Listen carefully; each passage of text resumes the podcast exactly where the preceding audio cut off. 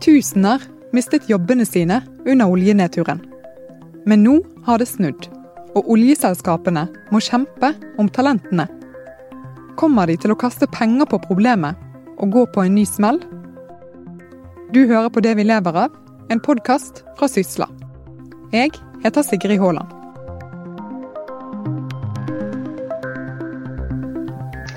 Nei, Stemningen den er, den er, god, eh, og blir stadig bedre, vil jeg si. Etter hvert som vi merker at eh, investeringsviljen blir større, og vi setter i gang flere og flere aktiviteter eh, i Spirit i Norge.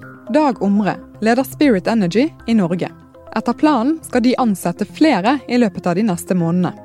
Det er de ikke alene om. Ifølge ferske tall fra SR-Bank tror hele syv av ti oljebedrifter at de kommer til å ansette i løpet av det neste året. Og Omre vet at han må kjempe om talentene. De som jobber for oss, de blir belønnet for, for, for god innsats. Og godt belønnet for, for veldig god innsats. Men eh, vårt synspunkt er slik at vi er ikke lønnsledende. Eh, og vi tenker at det er mange andre forhold i tillegg til lønn eh, som er viktig for valg av arbeidsplass. Men vi må være konkurransedyktige på vilkår. Samtidig har han oljenedturen friskt i minne og han håper at de klarer å holde kostnadene nede i gode tider. Historien er ikke så veldig god på dette, men forhåpentligvis skal vi, eh, skal vi kunne være noe bedre denne gangen enn det vi har vært tidligere. Det er i hvert fall vår klare ambisjon.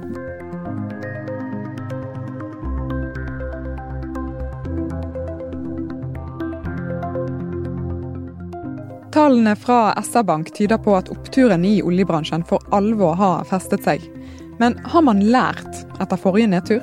Eller kommer man til å gå inn i en ny kostnadsspiral og en påfølgende utforbakke?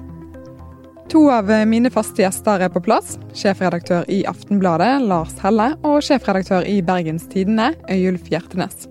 Velkommen til begge to. Takk for det. Takk for det, ja.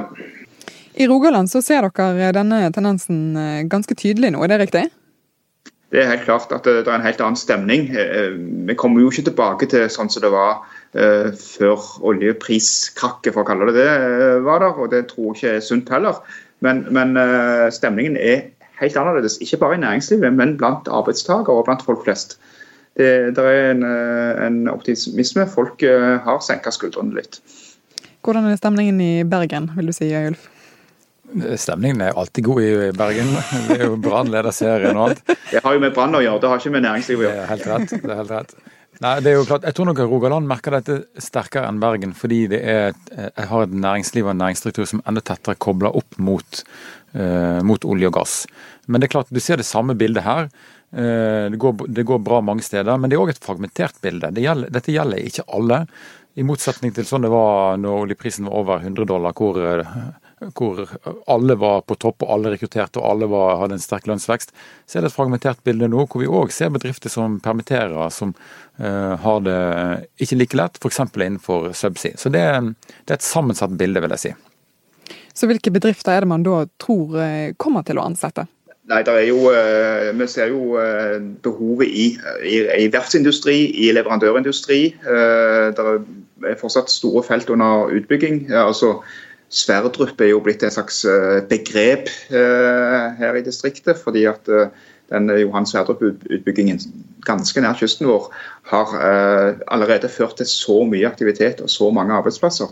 Og Dette feltet skal i tillegg da forsyne oss med verdier og sikre velferdsstaten i ganske mange år framover. Og det er klart at Innenfor de som er involvert i den type business, er det oppgang. Og Det får òg ringvirkninger for, for, andre bransjer, f.eks. i noe sånn, eh, serveringsbransjen. Det er nå mangel på servitører og bartendere i Stavanger. Og Det er jo en sånn indikasjon på at nå har folk begynt å gå ut igjen. Nå, eh, nå må svenskene komme tilbake igjen her og sørge for at vi får, får, middagen vår. Hvis vi snakker spesifikt om oljebransjen, hvilke type jobber er det du tror vil komme der? Det nye er jo at uh, til og med oljebransjen har kasta seg over digitaliseringsbølgen. Uh, der tror jeg de vil støte på de problemene vi har hatt i mange andre bransjer. Uh, kompetente mennesker på, på IT, smarte løsninger og sånn. Det tror jeg ikke det vil være nok av, enten du bare holder deg innenlands eller utenlands. Eh, men det er òg en god del fagarbeidere. Eh, det er etter spørsmål, spørsmål etter type brønnteknikere og den slags, som har hatt noen vanskeligere år, men som det nå vil være behov for å, å få ut i, både i Nordsjøen og på, på landet igjen for. Fordi at det er så mye aktivitet og det er så mye både leiding og utvinning som skjer. Nå er jo eh, arbeidsledigheten eh, lav. Mange av de som eh, mistet jobbene sine under oljenaturen, har jo funnet arbeid i andre bransjer. Og det er ikke bare oljebedriftene som nå er optimistiske. Det går generelt bra med norsk næringsliv. Så det ser med andre ord ut til at det kan bli en ganske hard kamp om hodene. Så hvordan skal da oljebedriftene klare å, å kapre talentene? Ja, det, det, første de må gjøre, det er å være tidlig ute. Det tror jeg noe mange bransjer har lært. De må, de må være eh, ute blant studenter og folk som er tidlig i karriereløpet sitt, og fortelle hva de har å by på. Eh, så, så tror jeg at både de og, og, og, samfunnet generelt skal være forsiktige med å gå ut på en sånn overbudspolitikk og tappe andre bransjer for Eh, for eh, ekspertise bare med hjelp av lønninger. Det vil igjen føre til en eh, usunn lønnsgalopp i oljebransjen og vil tappe annen type industri, annen type virksomhet og offentlig virksomhet for folk som er viktige der. Jeg tror at mange vil holde litt igjen med å hoppe på et nytt tilbud for oljebransjen, fordi de har brent seg på dette tidligere, og heller vil forbli innen en litt mer stabil, forutsigbar virksomhet i en annen bransje. Hei! Jeg heter Gerhard Flåten og er kollegaen til Sigrid i Sysla. Jeg skal bare helt kjapt be dem å gjøre to ting. Først, åpner du nettleseren din og skriv syslalive.no i adressefeltet. syslalive.no. Når du har lest deg opp og meldt deg på der, gjenstår det bare å åpne kalenderen og sette av tirsdag 18.9. Da skal jeg nemlig intervjue noen av verdens aller fremste eksperter på autonome skip. Det skjer på scenen i Grieghallen i Bergen. Hva er det egentlig som er mulig å til på dette feltet, og hvem er det som leder kappløpet? Det er noe av det du får svar på når vi igjen tar journalistikken til scenen under Sysla Live Ocean 2018. Les mer på syslalive.no, og så ses vi i september. Hva tror du er sjansen for at eh, oljeselskapene skrur opp lønningene, Ylf? Jeg tror det er en stor fare for det, i hvert fall innenfor uh, spisse kompetanseområder. Eh, det er, jo, det er jo, Vi ser flere, Sjefen i Total f.eks. har jo advart mot at vi, har, vi, lærer ingenting av historien i denne bransjen. Her Her kommer vi til å begynne med overbudspolitikk, og alle har glemt 2014-2015.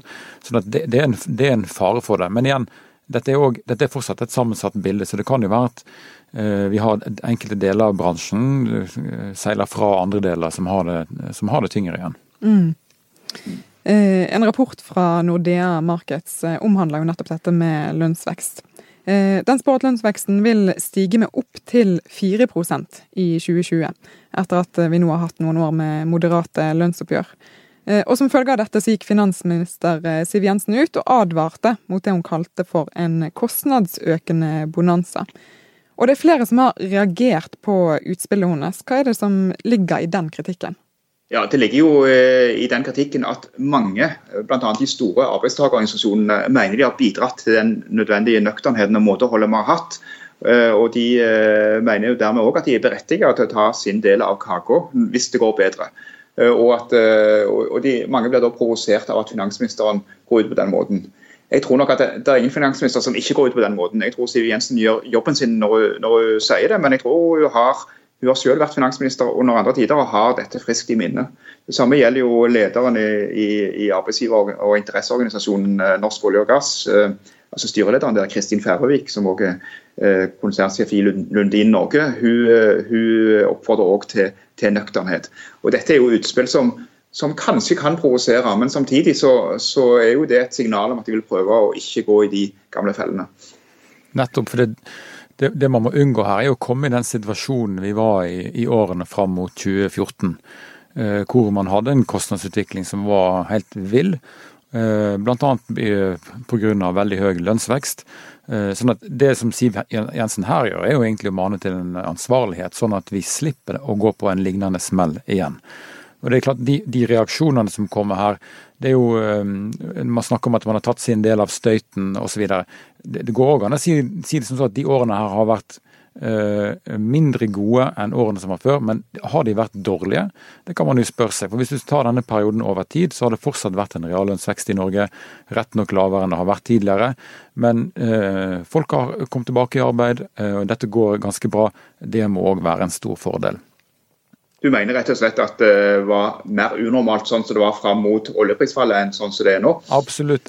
De unntaksårene her var jo de årene, årene hvor oljeprisen kom over 100 dollar. og det var full fest i alle deler av eh, det norske samfunnet på, på mange måter. Det vi er nå, er en normalsituasjon, langt med, langt, uh, på langt større grad. Og Det er jo sånn det, det var sånn det var i årene før igjen, hvor det var en viss kamp om de skarpe hodene, det er en diskusjon om fordeling av lønn osv. Så sånn det er jo, Der vi er nå, så vil jeg si at det er jo Siv Jensen sin oppgave å sørge for at vi har en forsvarlig økonomisk utvikling i dette landet. her. Sånn at jeg er ikke spesielt overraska over det, det å gå ut og si. Men så er det jo også en ting til når det gjelder denne, dette kravet om, om, økt lønn. det er jo at Paradoksalt nok så, så bidrar eh, den gunstige kronekursen til at mye eh, økt prisstigning. Det blir dyrere å dra på, ikke minst å være på ferie i utlandet. Dette er jo ting som gjør det, eh, konkurransesituasjonen for norske bedrifter bra, men det gjør jo kanskje pengepungen litt tynnere for norske lønnsmottakere. Så Det er òg en ting som kan bidra til å øke, øke lønningene. Men eh, der får du et problem opp mot konkurransekraften vår. Nettopp, det, du kan si at det, har, det, at eh, det har vært en moderat lønnsvekst i Norge de siste årene, har bidratt til å bedre konkurranseevnen til norske bedrifter. Men ikke minst så har jo en lavere, eh, lavere kronekurs bidratt til å bedre den konkurranseevnen. Sånn at når vi ser den, den, oppgangen og optimismen som vi ser nå, den er jo knytta seg til veldig, veldig bredt lag i næringslivet på Vestlandet, opp mot eksportnæringer osv. Eh, sånn at Dette handler ikke bare utelukkende om eh, olje og gass. Dette handler om eh, eksportnæringene generelt, og da alle omkringliggende næringer. og da snakker vi plutselig nesten om hele det private næringslivet i Norge. Men, men du nevner dette med moderat lønnsvekst Øyulf, de siste årene. Men, men, det har ikke vært tilfellet for alle. Avisen din Lars, brukte lederspalte på nettopp dette temaet. Ja, Vi viste jo til, til, lønnsøkningen til en del av uh, toppene i Statoil, som har vært uh, på uh, langt mer enn en gjennomsnittslønnstillegg i, i, Statoil. det er konserndirektører som har økt fastlønn med både 6, og 9 og 8% de siste årene. Og, og, og, når du tenker prosent, så er det for en konserndirektør mange mange hundre tusen i året. Sånne ting er jo alltid eh, vanskelig å forsvare når de samtidig ber om eh, nøysomhet eh, hos de ansatte. Så Det er jo et, et moment vi må, være, vi må, være, klar over kan bli problematisk i, eh, når, når, partene setter seg til forhandlingsbordet om, eh, i, en ganske, i, en oppgangstid og skal diskutere lønn. Men, men samtidig så er jo det sånn at hvis sjefen fyllekjører, så betyr ikke det at alle kan fyllekjøre. Uh, og Det er jo sånn at det som da er problemet, er at uh, vi må ta sjefen. Uh, og ikke nødvendigvis at alle andre skal sette seg inn og gjøre veldig mange uforsvarlige ting. Fordi det er jo i alles interesse at en lønnsveksten i Norge ikke går amok, og på den måten bidrar til å skape en ustabilitet og skape litt ned i løypa usikkerhet om jobber en, i en runde til. Ja, Dette er jo uh, symbolsk, men det kan ofte ha betydning. Særlig i Norge som er så egalitært på dette området. Men, men, det er jo ingen tvil om at uh, det, helt, det, har ingen betydning i det store bildet at enkelte uh, ledere pga. sine individuelle avtaler, som ofte har et ganske komplisert avlønningssystem, kommer godt ut av det. Det er, og, og, vi hører jo aldri om de årene de kommer dårlig ut av det. For det er nok ledere som, som enkelte år får null i bonus og, og ikke noe særlig lønnstillegg. Men igjen, de må ta inn over seg at dette er et moment i diskusjonen. Nettopp, og det, hele det norske trepartssamarbeidet handler jo om at partene i arbeidslivet står eh, sammen i dette her. Eh, og da kan ikke arbeidsgivers side her eh, velge en annen vei enn de to andre partene, for da kommer hele systemet til å falle. Ja, og jeg tror det er ganske stor enighet mellom partene om at det er en verdi å ta vare på det trepartssamarbeidet. Hvis vi ser litt fram i tid nå, så er det jo eh, sånn at selv om det samlet sett eh, er en sterk optimisme i oljebransjen nå, så er det mange som mener at dette kan ikke vare. Hva er det som ligger i det? Eh, det er jo historisk erfaring at ting går aldri rett til topps. Altså det, det vil komme bølgedaler. Men det er grunn til å ta med seg historien i, på, en del, del felter for å unngå at det blir sånn. F.eks. At, at vi blåser opp en boble som kan, som kan sprekke. Og nettopp Der er det viktig å ta med seg denne nøkternheten og huske på at ingen trær vokser opp i himmelen. Det høres litt sånn banalt og klisjéaktig ut, men, men, de som klarer å tenke på at utfor altså Bak neste fjelltopp så er det en utforbakke. Eh, de har eh, større muligheter til å klare seg i en litt vanskeligere tid. Og så vet vi også det at selv om eh, olje og gass kommer til å være viktig i norsk økonomi i lang tid framover, så er det likevel en solnedgangsindustri på sitt vis. Og så kan vi diskutere hvor langt, hvor langt fram i solnedgangen vi er. Men det er jo sånn at det, de største årene ligger nok bak oss. Ja, og Det handler ikke bare om eh, tilgangen på nye oljefelt, det handler også om den politiske situasjonen i Norge og verden. Denne uh, Politikere som vil mane fram bruk av alternative energikilder osv. Og, og bruker mange tiltak for å få til dette her, og heier på hver vindmølle hver, hvert solcellepanel som står rundt omkring i, i verden. Og, og, Det skjer store ting der nå. Det viser jo også rapporter fra Det internasjonale energibyrået. Eh, selv om det ennå er smått i den store sammenhengen. Men, men, men eh, framgangen går, eh, går fort. da. Altså spørsmålet er, Det er jo mange som forventer titusenvis av jobber i norske datasentre og vind og det ene og det andre. og Det er jo fantastisk hvis det skjer, men fortsatt er jo det mange fugler på taket her. da. Det er jo det mange fugler på taket, ikke nødvendigvis så mange arbeidsplasser. Og så skal vi huske på at en av grunnene til at uh, oljebransjen fortsatt er så viktig for den norske velferden, er at de har en helt bes uh, spesiell beskatningsmodell. Jeg har litt vanskelig for å se at det kommer noen nye oljebransjer som klarer en skattebyrde på 78% f.eks. Hvor stor tror dere sannsynligheten er for at vi kommer eh, i en situasjon nå der vi henter inn masse folk til oljebransjen som får veldig godt betalt? For så å, om et par år, stå i en situasjon der vi på nytt må gjennom en massiv nedbemanning? Jeg tror uh, sjansen, eller risikoen for det, er det vel rett å si, uh, er mindre enn den var. Fordi at Vi snakker ikke om en oppbemanning opp til det gamle nivået. De kommer ikke tilbake, alle de 50 000 som har forsvunnet. Men det er et naturlig rekrutteringsbehov, fordi mange nå går av pensjon. De første generasjonene med oljearbeidere begynner å bli gamle.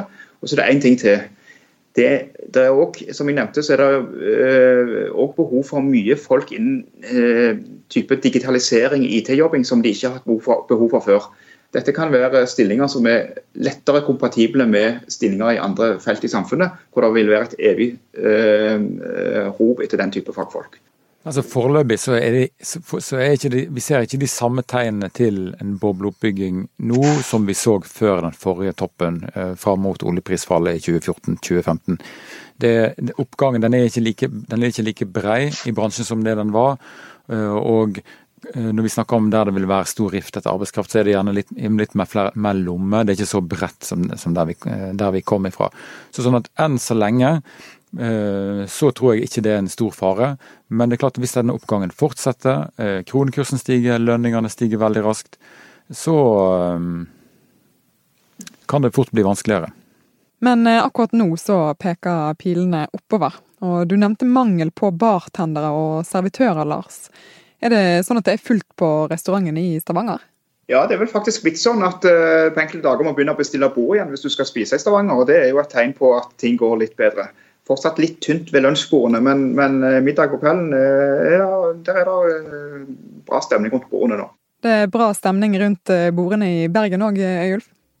Jeg er fornøyd så lenge Brann vinner, jeg.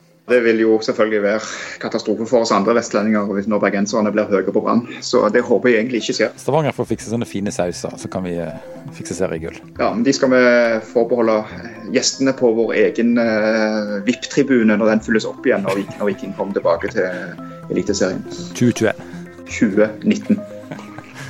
Tusen takk for at dere var med, Øyulf og Lars. Takk. Bare hyggelig. Tusen takk for at du hørte på denne episoden av Det vi lever av. Og du, jeg håper du har satt av den 18. september. Da intervjuer vi Erna Solberg på scenen i Grieghallen i Bergen under Sysla Live Ocean 2018. Gå inn på syslalive.no, syslalive.no, for å se flere som kommer, og for å melde deg på. Produsent for denne podkasten var Henrik Svanevik. Jeg heter Sigrid Haaland, og vi er tilbake om en uke.